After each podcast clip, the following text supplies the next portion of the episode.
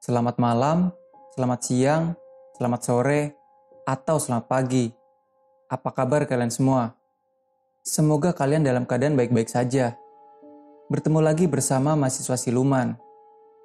Yang kali ini akan menceritakan pengalaman mendaki yang terjadi pasca kejadian kerusuhan Mei 1998 yang dialami oleh anak SMP, sebut saja Ahdi, yang mengalami trauma akan kejadian itu hingga dia stres karena melihat banyak kejadian-kejadian brutal, pembunuhan, dan pembakaran. Untuk menghilangkan trauma tersebut, Ahdi diajak oleh teman kakaknya untuk mendaki Gunung Merapi yang ada di Jawa Tengah. Tanpa pikir panjang, Ahdi pun mau, meskipun ini pertama kali baginya. Tapi dalam pendakian tersebut, tidak selancar yang dikira. Karena dia bertindak tidak sopan di gunung, malah bertemu roh gaib abdi dalam keraton, dan dia kena tegur. Jadi seperti apa kisah lengkapnya? Langsung saja. Tapi sebelum lanjut, jangan lupa untuk like, share, dan subscribe-nya. Aktifkan juga notifikasinya, agar tidak ketinggalan video-video terbaru dari kami. Pasang earphone-mu, siapkan tempat dan posisi yang nyaman. Enaknya sambil nyantai dan rebahan. Dan selamat mendengarkan. Pasca kejadian Mei 1998 yang merenggut banyak nyawa dan mengubah struktur pemerintahan, banyak sistem pendidikan di daerah saya saat itu mengalami banyak perubahan dan libur berkepanjangan. Alih-alih senang liburan, malah stres yang saya dapatkan. Menyaksikan dengan mata kepala sendiri betapa tragisnya kejadian saat itu membuatku stres. Karena beberapa minggu tak boleh keluar rumah terasa seperti terpenjara di rumah sendiri. Untuk mengurangi rasa stres dan menghilangkan penat, akhirnya kuputuskan untuk mengiyakan ajakan kakak dari temanku untuk mendaki ke Merapi. Walaupun saat itu benar-benar miskin pengalaman, buta trek, tanpa persiapan, peralatan seadanya saja, setelah mendengar instruksi dari kakak temanku, yang notabene adalah mapala dari salah satu universitas swasta di daerah asalku, Solo, Jawa Tengah. Karena baru pertama kali mendaki, tetap tak menyurutkan sematku untuk ikut serta dalam perjalanan ini. Hitung-hitung, pulang ini stres setelah mengalami tragedi yang bisa membuatku trauma. Apalagi saat itu aku masih SMP, emosi masih labil. Dipaksa untuk menyaksikan banyak mayat bergeletak di jalan. Kalian sanggup? Aku tak yakin. Itu realita aku termasuk saksi bisu karena berada pada tempat dan waktu yang salah. Cari berita deh yang berhubungan dengan tragedi Mei 1998. Ada beberapa aktivitas yang saat itu menawarkan kegiatan untuk proses rehabilitasi mental. Udah kayak orang gila kan gue? Di daerahku, untuk anak-anak yang menderita trauma pasca kejadian. Tapi aku tak ingin ikut. Aku tak selemah itu pikirku saat itu. Tapi lama-kelamaan, perasaan itu muncul kembali. Kadang mual, makan gak nikmat, tai kucing gak rasa coklat. Akhirnya tawaran untuk mendaki Merapi datang, dan aku pun mengamininya. Keluargaku pun, saat aku berpamitan mendaki, untuk langsung mengizinkan. Hanya ditanya, berangkat sama siapa, naik apa, that's itu aja. Atau aku salah pamit, pamit sama si Mbak Kakung, yang notabene adalah seorang veteran anak buah langsung dari Presiden Soekarno dan juga Soeharto. Kalau diingat sih bikin nyengir kuda, pamit dan minta dikhawatirkan sama veteran yang banyak pengalaman pahitnya. Pagi hari, setelah malam, mendapatkan undangan untuk ikut mendaki, kami berkumpul di rumah teman yang kakaknya akan ikut membantu dalam proses pendakian. Enam orang itu termasuk dua mapala, satu orang perempuan mantan pacar kakak temanku yang sekarang sudah dinikahinya, yang akan menemaniku dalam perjalanan saat itu. Aku, BCD, baru pertama kali mendaki. XZ, mahasiswa atau mahasiswi yang mendampingi kami berempat. Berangkat dari Solo, pagi setelah subuh, ke terminal, kemudian charter angkutan umum, dari jenis midbus travel. Menuju Selo, saat itu masih Selo, belum ada New Selo. Sampai Selo, saat itu masih pagi. Kami pun diinstruksikan untuk beristirahat dulu sebelum start pendakian. Entah kenapa sebabnya, saya lupa atau memang tidak diberitahu. Yang pasti, kami tidak start mendaki pada hari itu juga. Kami menginap di base camp dulu semalam. Padahal saat itu, masih pagi menjelang siang. Dan keesokan harinya, mulai hiking. Baru pertama kali menginjakan kaki di area lereng gunung. Merasakan dinginnya, sejuk, ah, sensasi tak akan pernah hilang dirasa. Cinta sejati itu bukan selamanya, tapi cinta pertama tak akan terlupa. Itu benar banget sih. Pagi hari sebelum mendaki, Mas Z dan Mbak X menginstruksikan untuk membeli bekal yang dibutuhkan jika belum membawa dari rumah. Tasku pun digeledah oleh Mas Z. Dikeluarkan semua dan dibantu packing dengan benar. Thank you ya mas. Kalau nggak ketemu panjenengan, saya tak akan kenal gunung sampai nanti punya pacar atau menikah. Baju, celana panjang, mie tiga bungkus, roti tawar setengah setel, setengah lagi dibawa teman, ransum tentara, parafin, korek, air dua botol besar, rokok, selebihnya peralatan pribadi yang gak penting banget karena nggak ada pengalaman. Rokok, iya, saya sudah jadi perokok berat waktu SMP Jangan ditiru di rumah ya. Mending kalau ngerokok di warkop aja. Selesai bongkar-bongkar, kita diberikan sedikit penjelasan tentang tata krama pendakian oleh Mas Z. Selebihnya tentang trek. Seingat saya, tidak ada pemberitahuannya. Mungkin surprise. Matahari masih ramah, dan selo masih nyaman sebelum menjadi new selo. Rokok sebungkus masih di sekitar 3500. Oke, kami pun start hiking. Ya, singkat saya dulu itu, trek Merapi didominasi tanah liat, kecuali setelah pasar bubrah. Entah kalau sekarang sudah berapa puluh tahun. Perjalanan yang saya rasakan hanya naik, naik dan terus naik. Sampai akhir sore menjelang maghrib, kami sampai di area pasar bubrah.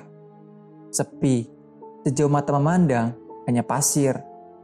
Tenda pendaki lain, saya tak melihat bahkan satu pun.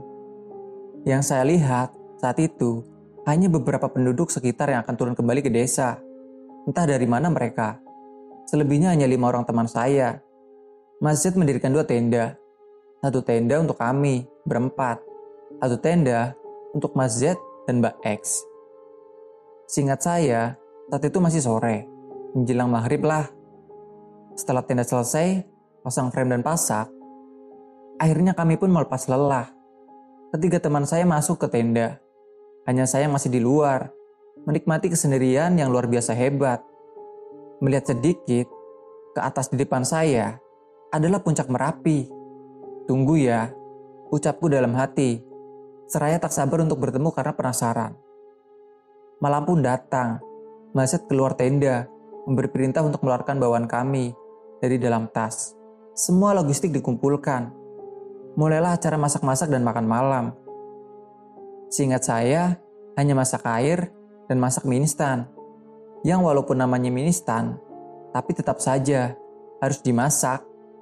Bisa langsung makan sih. Oke lah instan, gak usah didebat. Minum kopi kita. Rokok dulu sambil nunggu mie mateng. Eh, ada singkong yang dibawa Mas Z. Mantap pakai B Zaman dulu masih tenar hiking bawa singkong sama ubi. Sekarang kalau sama snackers, kebelet pipis deh. Saya bilang sama Mas Z, kalau mau pipis. Terus saya tanya pipis di mana? Mas Z jawab, pipisnya titik-titik dan titik-titik dan titik-titik. Jangan lupa juga permisi. Titik-titik ada ucapan yang saya tidak ingat benar. Karena saat itu, teman saya juga ikut pipis dan berbicara kepada saya. Jadi saya fokus ke teman yang berbicara tadi. Saya masuk ke tenda dulu ambil senter. Baru sebentar saja ambil senter, tiga orang tadi udah nggak ada. Udah duluan kencing. Padahal saya yang pamit duluan. Ah, udahlah. Akhirnya saya biarkan tiga teman saya tadi tipis berjamaah, dan saya sendirian. Saya jalan agak jauh dari tenda, nyari tempat yang agak datar. Biar nyaman dikit sih, pikir saya. Baru aja buka resleting, mau kencing. Ditepuk pundak saya. Ojo ngitung nang kono. Jangan kencing di situ artinya. Otomatis kaget lah. Tengok ke belakang. Saya pikir teman saya atau masjid yang ngomong. Tapi suaranya berat banget dan serak kayak bambah. Waktu aku tengok, deh, gak ada orang. Senter tangan yang saya pakai, kemudian saya arahkan ke sekitar belakang. Saya berdiri, tapi nihil gak ada siapa pun. Aneh, kayak denger suara orang tadi. Jelas banget suaranya, tapi gak ada orangnya. Saya hiraukan dan lanjut kencing. Tetap di tempat saya berdiri sebelumnya. Namanya juga anak SMP, bandel lah gue. Selesai kencing, saya balik ke tenda. Udah kelihatan, tenda mungkin jarak 30 meteran lah tak bisa memastikan jarak karena hanya melihat senter dari teman di tenda. Selebihnya, gelap lah. Baru sebentar jalan, ditepuk lagi. Sepertinya bukan ditepuk. Rasanya seperti ditimpuk batu kecil, tapi kenceng. Kowe wis tak kandani, ujung winang kono, kok ngenyot. Kamu sudah saya bilangin jangan kencing situ, tapi kok nekat. Kaget lagi kan? Saya tengok ke belakang. Eh, ada mbah pakai baju abdi dalam keraton. Pakaian adat Jawa Tengah. Istilahnya kayak karyawan dari keraton. Beliau serasa marah besar. Saya nggak kelihatan mukanya. Senter saya jadul banget. Cahaya berwarna kuning. Senternya berat. Berbahan seperti aluminium atau besi deh. Kalau kalian tahu senter jadul, kayak gitulah. Senter tangan yang saya bawa, anehnya seketika menjadi samar seakan langsung habis daya baterainya. Kaget bercampur takut. Mau teriak nggak bisa. Singkat saya, saat itu di belakang Simbah, tadi ada dua orang yang bawa tombak, tapi nggak jelas. Minim cahaya, hanya seperti bayangan. Beberapa detik kemudian, singkat saya, saya sadar dan berbalik arah menuju tenda. Tapi nggak lari, bukan yang nggak mau, tapi nggak bisa. Jalan aja rasanya berat banget. Serius, kalau nggak percaya, rasain aja sendiri. Sampai di area camp, saya langsung masuk ke tenda, hanya duduk diam.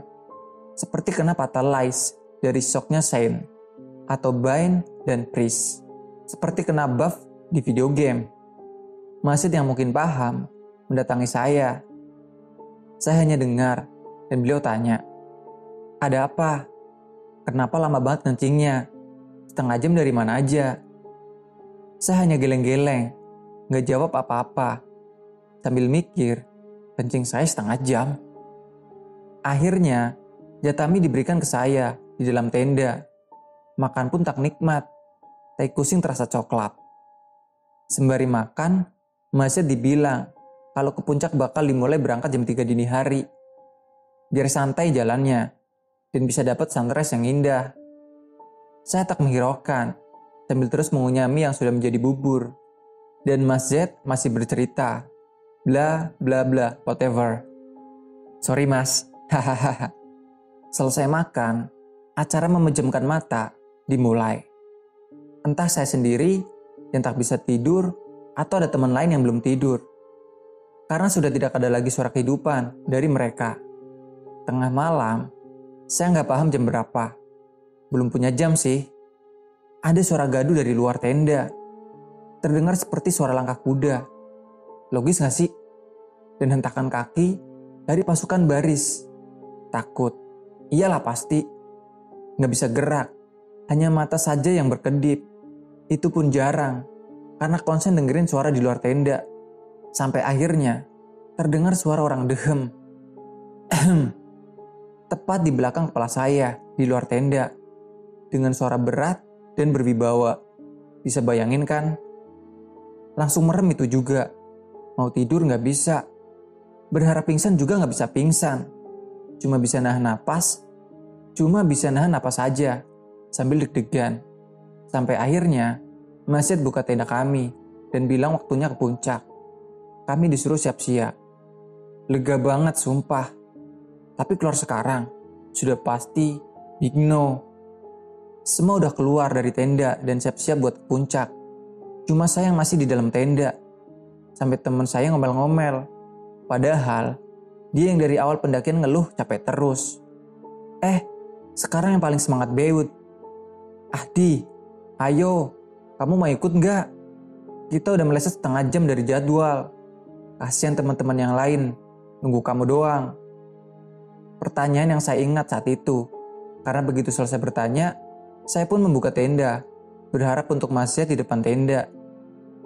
Tapi begitu saya buka tenda, yang saya lihat, orang berpakaian adat Jawa, khas abdi dalam keraton yang membelakangi saya. Saya lihat punggungnya saja saat itu. Fuck, kaget lagi dan masih tetap tak bisa bergerak. Kemudian, sesuatu yang berpakaian adat Jawa tadi berbalik ke arah saya. Dek, wajahnya nggak ada, rata, flat kayak TV LCD. FYI ya, di dalam tenda ada senter yang digantung di tengah tenda. Jadi ada cahaya samar. Ya Allah, saya lemes. Mau nangis nggak bisa. Pingsan nggak bisa. Seketika langsung nunduk. Merem deh. Lama nggak gerak, saya ngerasa badan digoyang-goyang sama Mas Z. Ah, Di, ayo bangun. Jangan tidur sambil duduk. Saya jawab pelan. Kayak males ngomong rasanya. Aku nggak mau jalan, Mas. Nggak mau. Tunggu bagi aja. Tolong, Mas. Jangan dipaksa. Aku dimarahin sama Simbah tadi. Ucapku yang disambut, kekagetan, dan kebingungan oleh Mas Z. Akhirnya, Mas Z menuruti apa kataku. Ya, start pendakian setelah matahari terbit. Itu yang kuharapkan. Sinar mentari bukan provider ya. Oke, ganti matahari, tapi bukan pusat belanja. Masjid pun mengalah, mempersilahkan saya istirahat dan menunggu datangnya pagi dengan sinar mentari. Saya tak tahu apa yang diperbincangkan oleh mereka, Masjid dan kawan-kawan yang lainnya. Yang pasti, saya lelah dan ngantuk. Entah berapa lama, saya dibangunkan oleh kawan saya. Disodorkan gelas berisi kopi ke saya. Perhatian banget dah. Untung aja muhrim. Kalau bukan muhrim, udah hilap gua. Tangi leh, puncak porak weh. Yang artinya, bangun bray, puncak apa enggak? Berat rasanya mata buat melek, tapi akhirnya melek juga, dengan berat hati sih. Sekitar setengah jam lah, gak sampai sejam, saya prepare. Sarapan dulu, karena Mas Z bilang udah jam 8-an, kita kudu muncak sekarang.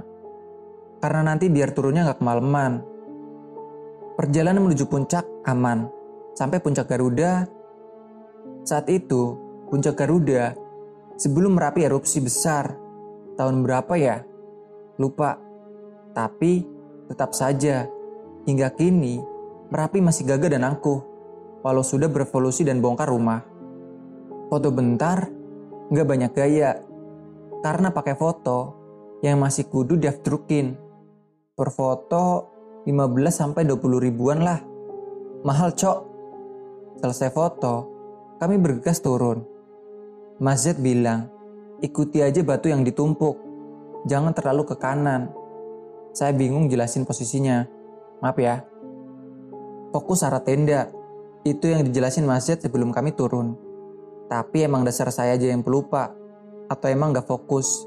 Karena keindahan alam yang baru pertama kali saya rasakan. Jadi gak fokus, turunnya misah. Saya paling belakang, karena lama berhenti untuk lihat pemandangan. Turun, turun, turun, kok tenda nggak kelihatan. Teman lain juga nggak kelihatan. Yang saya lihat, di bawah hanya pasir, batu besar, dan menjorok ke bawah entah itu jurang atau hutan. Bingung, panik, lalu saya lihat batu yang ditumpuk, tapi nggak ngerti fungsinya apa. Baru ingat, saat sudah kembali ke tenda dan dijelaskan lagi oleh Mas Z. Akhirnya saya duduk. Udah mulai panas banget mataharinya. Ngantuk yang saya rasakan saat itu kena ingin kenceng. Rasanya kayak dibelai rambutnya sama ibu. Nyaman. Sampai akhirnya ada kerikil yang jatuh ke daerah punggung. Kaget lagi ada masjid yang panggil-panggil dari bawah sebelah kiri jauh banget jaraknya. Astaga, saya ikutin aba-aba dari tangannya untuk mengarah ke kiri, lebih jauh menuju ke arah masjid. Sampai akhirnya ketemu di penampakan tenda. Sampai di tenda, dimarahin masjid. Karena area yang saya tuju itu mendekati jurang. Diomelin, kenapa nggak ikutin batu tumpuk? Ya maaf mas, merepotkan. By the way, saya sampai tenda, hari sudah sore. Bisa dipastikan, kemungkinan besar saya tertidur saat perjalanan turun dari puncak. Setelah maghrib, diputuskan untuk start turun ke base camp. Perjalanan yang tadinya ceria malah bikin bete karena saya diomelin terus sama Mas Z dan teman yang lain. Sama Mbak X juga. Padahal Mbak X ini tak banyak ngomong. Kesal, saya pun misu-misu atau ngumpat atau berkata kotor dalam hati. Sampai akhirnya melewati area. Singkat saya sih perkebunan warga. Saya refleks menoleh ke belakang karena terasa ada hembusan angin di area leher. Padahal anginnya nggak kenceng. Dan saya di posisi paling belakang karena aku ngambek dan nggak mau jalan bareng. Pas lihat ke belakang, kok kayak lihat obor. Ada apinya aja. Yang bawa obornya nggak kelihatan. Aneh, pikir saya dalam hati. Lanjutlah jalan. Penasaran oleh lagi ke belakang, tapi udah nggak ada. Giliran mau jalan lagi, kesandung, jatuh, dan senter lepas dari tangan. Otomatis gelap, dan hanya area sekitar sinar dari senter aja yang kelihatan. Nah, pas area sinar itu, saya lihat ada belangkon, penutup kepala adat Jawa. Ada rambutnya juga, tapi hadap ke belakang. Dan kenapa kepala di bawah? Badannya ke mana? Akhirnya jalan cepat sambil manggil teman yang lumayan jauh. Center nggak saya ambil. Mau coba ambil? Nggak apa-apa sih. Nggak apa-apa. Kalau mau pingsan sih. Mau lari nggak bisa. Serius. Karena gelap juga. Akhirnya ketemu temen. Nafas ngos-ngosan dan diomelin lagi. Astaga, lemes asli. Sampai base camp, udah malam dan gak ada angkutan umum. Akhirnya nginep di base camp. Alhasil, rencana pulang hari itu gagal. Tidur dulu sampai nunggu pagi lagi. Merapi yang normalnya satu hari satu malam, atau tektok juga bisa, kecuali emang datang dengan niat ngecamp. Dan beberapa hari, kami tempuh tiga hari. Huh,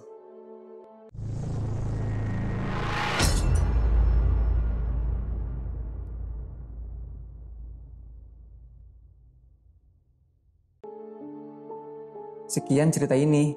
Terima kasih. Jika kalian punya cerita menarik seputar pendakian atau pengalaman mistis yang ingin kalian bagi, kalian bisa kirim cerita kalian ke IG mahasiswa siluman atau kirim melalui email yang tertera di bawah.